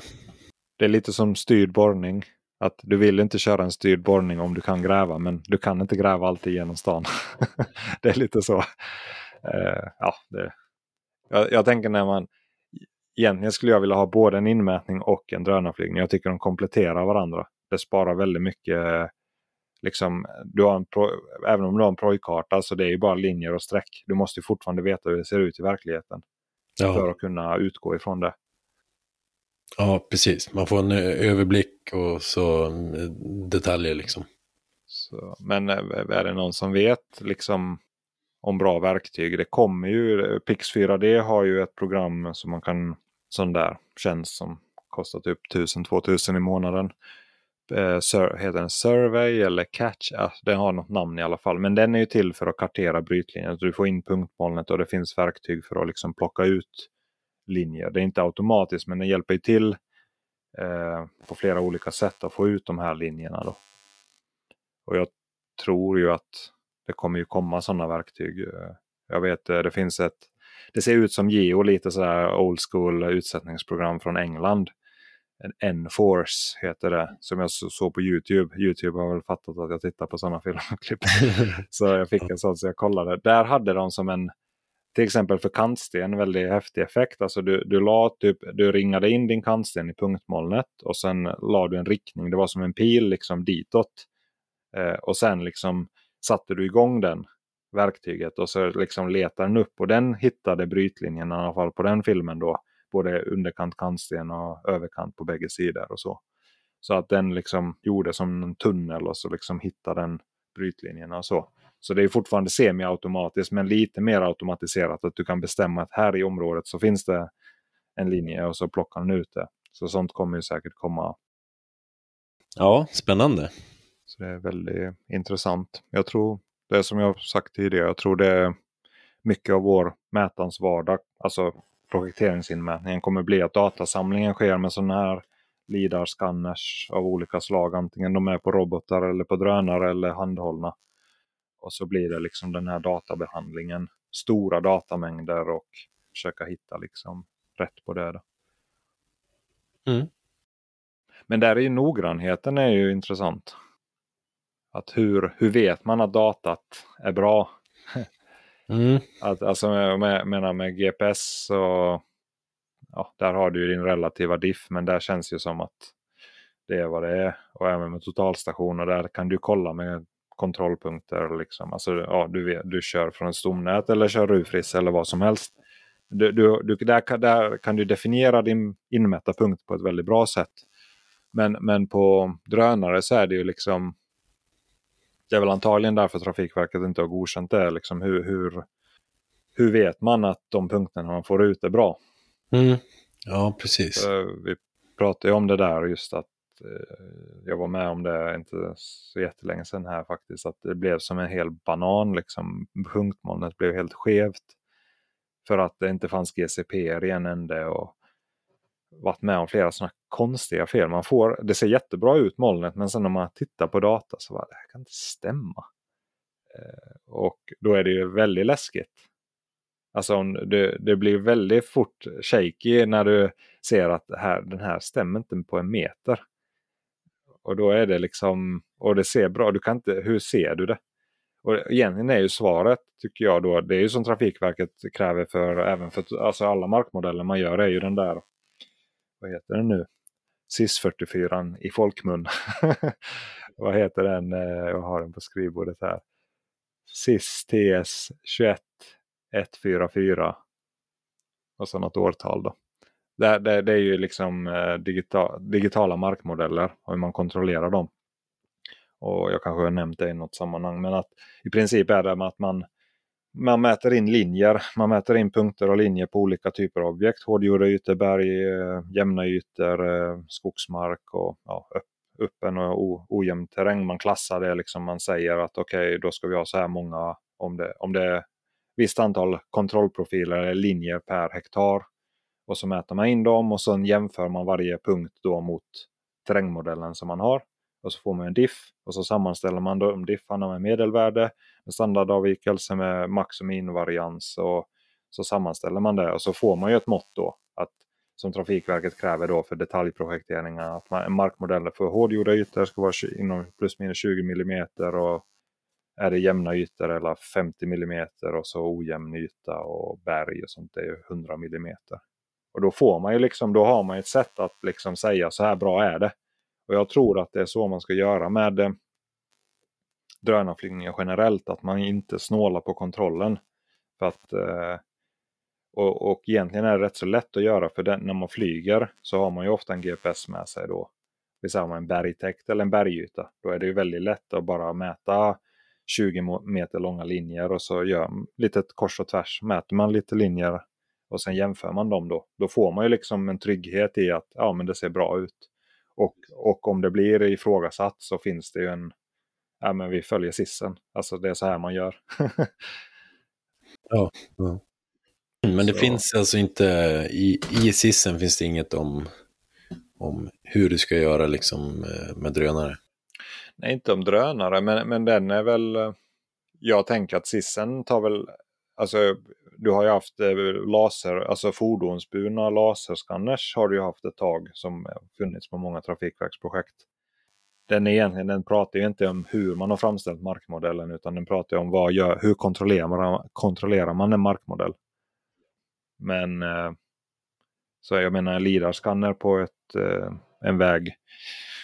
Det är ju ett punktmål det också som fotogrammetri också. Tänker jag. Men eh, det är rätt många som inte känner till den sissen. Har jag märkt att jag, många frågar liksom som jag har skrivit på LinkedIn till folk lite så när jag ser att de har lite drönarflygning och sånt. Så jag har skrivit tjena, hur kul att se liksom hur, hur brukar ni kolla eller hur vet ni hur, hur bra modellen är och, och så. Och då får man väldigt så här, spridda skurar. Ja men det, rapporten säger ju det i programmet. Typ GCP-punkterna har den här noggrannheten. Eller vissa säger bara nej men det är drönare, det blir bra. ja. ja, det är lite, lite shaky sådär. Men eh, det är en väldigt bra metod som finns angiven. Ja, jag vet inte. Men, det, men ska man använda punktmål så är det ju väldigt bra att kolla kvaliteten. Alltså det, man litar inte på det som programmen bara spottar ut. Alltså det kan fort bli fel. Alltså det kan, och grejen är att det kan gå, fel, alltså gå rätt 20 gånger. Och så är det den där nästa gång så går det fel. Och det är ju den där om man nu pratar om så här 95. Du har ju den där 95 kvoten ibland. Alltså det, det är lite sådär att det går oftast bra. Men så är det ju en gång av 20 så går det ju lite sämre. Och, och då är det ju där, då står du med skägget i brevlådan eller hur man säger. Ja, precis. Ja, men det är väl vad, vad ska man ha datat till? Ja. Hur, hur noggrant ska det vara? Liksom? Där har du bra. Här är en ny uh, rant. Alltså, egentligen gäller ju den frågan gäller ju allting. Alltså om någon mäter in någonting. Ja, men jag bara mäter in där. Alltså Trafikverket kan ju, alltså det är jobbigt att jobba i de projekten på många sätt. Alltså det är mycket dokumentation. Men det är ju bra också. Att Det är så störigt att få en CAD-fil. Alltså man får en DVG-fil. Man vet inte varifrån den kommer. Man vet inte när den är gjord. Man vet inte vem som har gjort den. Har de mätt med GNSS? Har de mätt med totalstation? Har de, en, har de anslutit med höjder? Alltså vilket koordinatsystem är det i? Det finns ingenting. Oftast får man ingenting. Man får en DVG, man vet ingenting om den som sagt. Men Trafikverket kräver ju mätare för allting man gör en mätredovisning. Och den principen kan man ju tillämpa på mycket mindre projekt också. Och det här var ju kartverkstan. Shoutout till er om ni lyssnar. Då, då har de skickat, det var en kund som de ville att jag skulle rita, bara något enkelt redovisa på någon ritning. Men så skickade de en inmätning och en mätrapport tillsammans med inmätningen. Och så står det, det är, typ, det är två sidor. Super basic, det står projektnamn, vem som är beställare, vem som är mätkonsult, kontaktuppgifter till mätningstekniken, vilket instrument de har kört med, vilket datum de har mätt in, vilket koordinatsystem, vilka filer eh, är producerade och så skriver de att det är 3D-linjer och att höjder finns i separata lager. Vilka stompunkter de använt, vilken arbetsmetod, att de har satt stompunkter med GNSS, lagt ut pikéer och anslutit till nedstigningsbrunnar och firat ner eh, ja, lod, lodat ner linjen till tunneln och så har de mätt det. Och så förklarar de lite till hur de gör och sen visar de sina diffar mot sina punkter och så har de skrivit under med sitt namn. Två sidor, det är inte full, två fullpackade sidor men alltså fy vad glad man blir när man ska göra något med datat. Ja, precis. Och jag tror det är det som nästan alla mätare inte tänker på. Vem ska använda datat efteråt?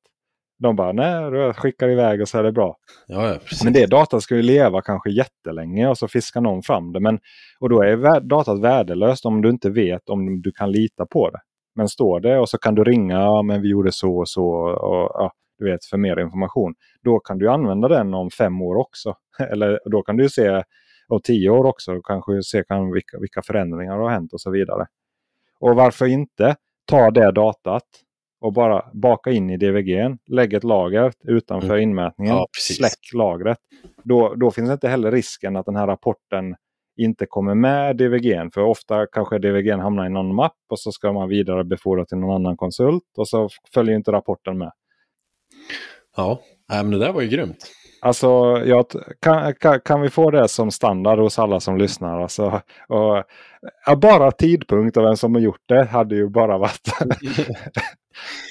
ja. Och det kostar ingenting. System och koordinatsystem kanske också. Ja, jo, exakt. Men alltså de här grundläggande sakerna. Så, liksom, det tar, hur många minuter tar det? Men Nej. det är så mycket mervärde i det. Alltså det, det, det, skulle också göra att man tar mätarna lite mer allvarligt. Mm. Alltså för alltså så mycket mätningar som alltså DVG, man vet ex, liksom... Ja, nej, jag ska inte säga. jag är inte så trött på ja. viss mätdata. Så. Ja. Mm. Alltså just, just liksom det service miners. Alltså jag mäter för att någon annan ska göra ett jobb. Mm. Jag mäter inte bara för att mäta. Nej, precis. Vad ska man ha data till? Ställer du frågan, det var där jag kom in på den här liksom mm. snedspåret. Att det är som med drönare eller om du mäter in med något med GPS lite fort. Då, då är det ju väldigt bra att skriva det också. Det här var bara lite fort för att ta reda på ett område eller en hög. Ja, precis. Det, det är liksom inte till för... Det användas till, eh, ja, bla bla. exakt, och det, det, är så lite, det tar ingen energi. Det, det är god mätsed. Precis, bra där. mm. Ja, nej, men då fick jag luftat lite. Kanon. Bra. Nej men vad, vad säger vi drönare prat, har vi ju pratat om här eller lyssnat på Alex. Jag vet på forumet har det ju varit lite eh, frågor om drönare för det, det är väl en liten eh, det har väl inte varit så många svar, mest frågor om få, var får man flyga och eh, när får man flyga. Det finns ju rätt så mycket regler ja, kring det hela. Precis. Uh, skulle jag ska få in någon drönarexpert här på forumet kanske? Ja, antingen på forumet eller uh, även med i podden. Antingen ljud, ljudsvar eller om vi kan hitta någon som vet som vill vara med på en liten kortare intervju om det. Det hade ju varit väldigt bra att reda ut vad som gäller. Vad är gråzon och vad vet vi och vad, vad får vi vad får vi inte göra. För just nu så känns det som det, det, det är nog väldigt diffust och det finns nog mycket som flyger under radarn. Ja, ja som så. så det hade varit intressant att veta lite mer om det. Mm. Ja, men det får vi fixa. Mm. Ja, men då säger vi väl så. Så hörs vi mm. nästa gång. Tack för att ni tog er tid att lyssna. Tack, tack.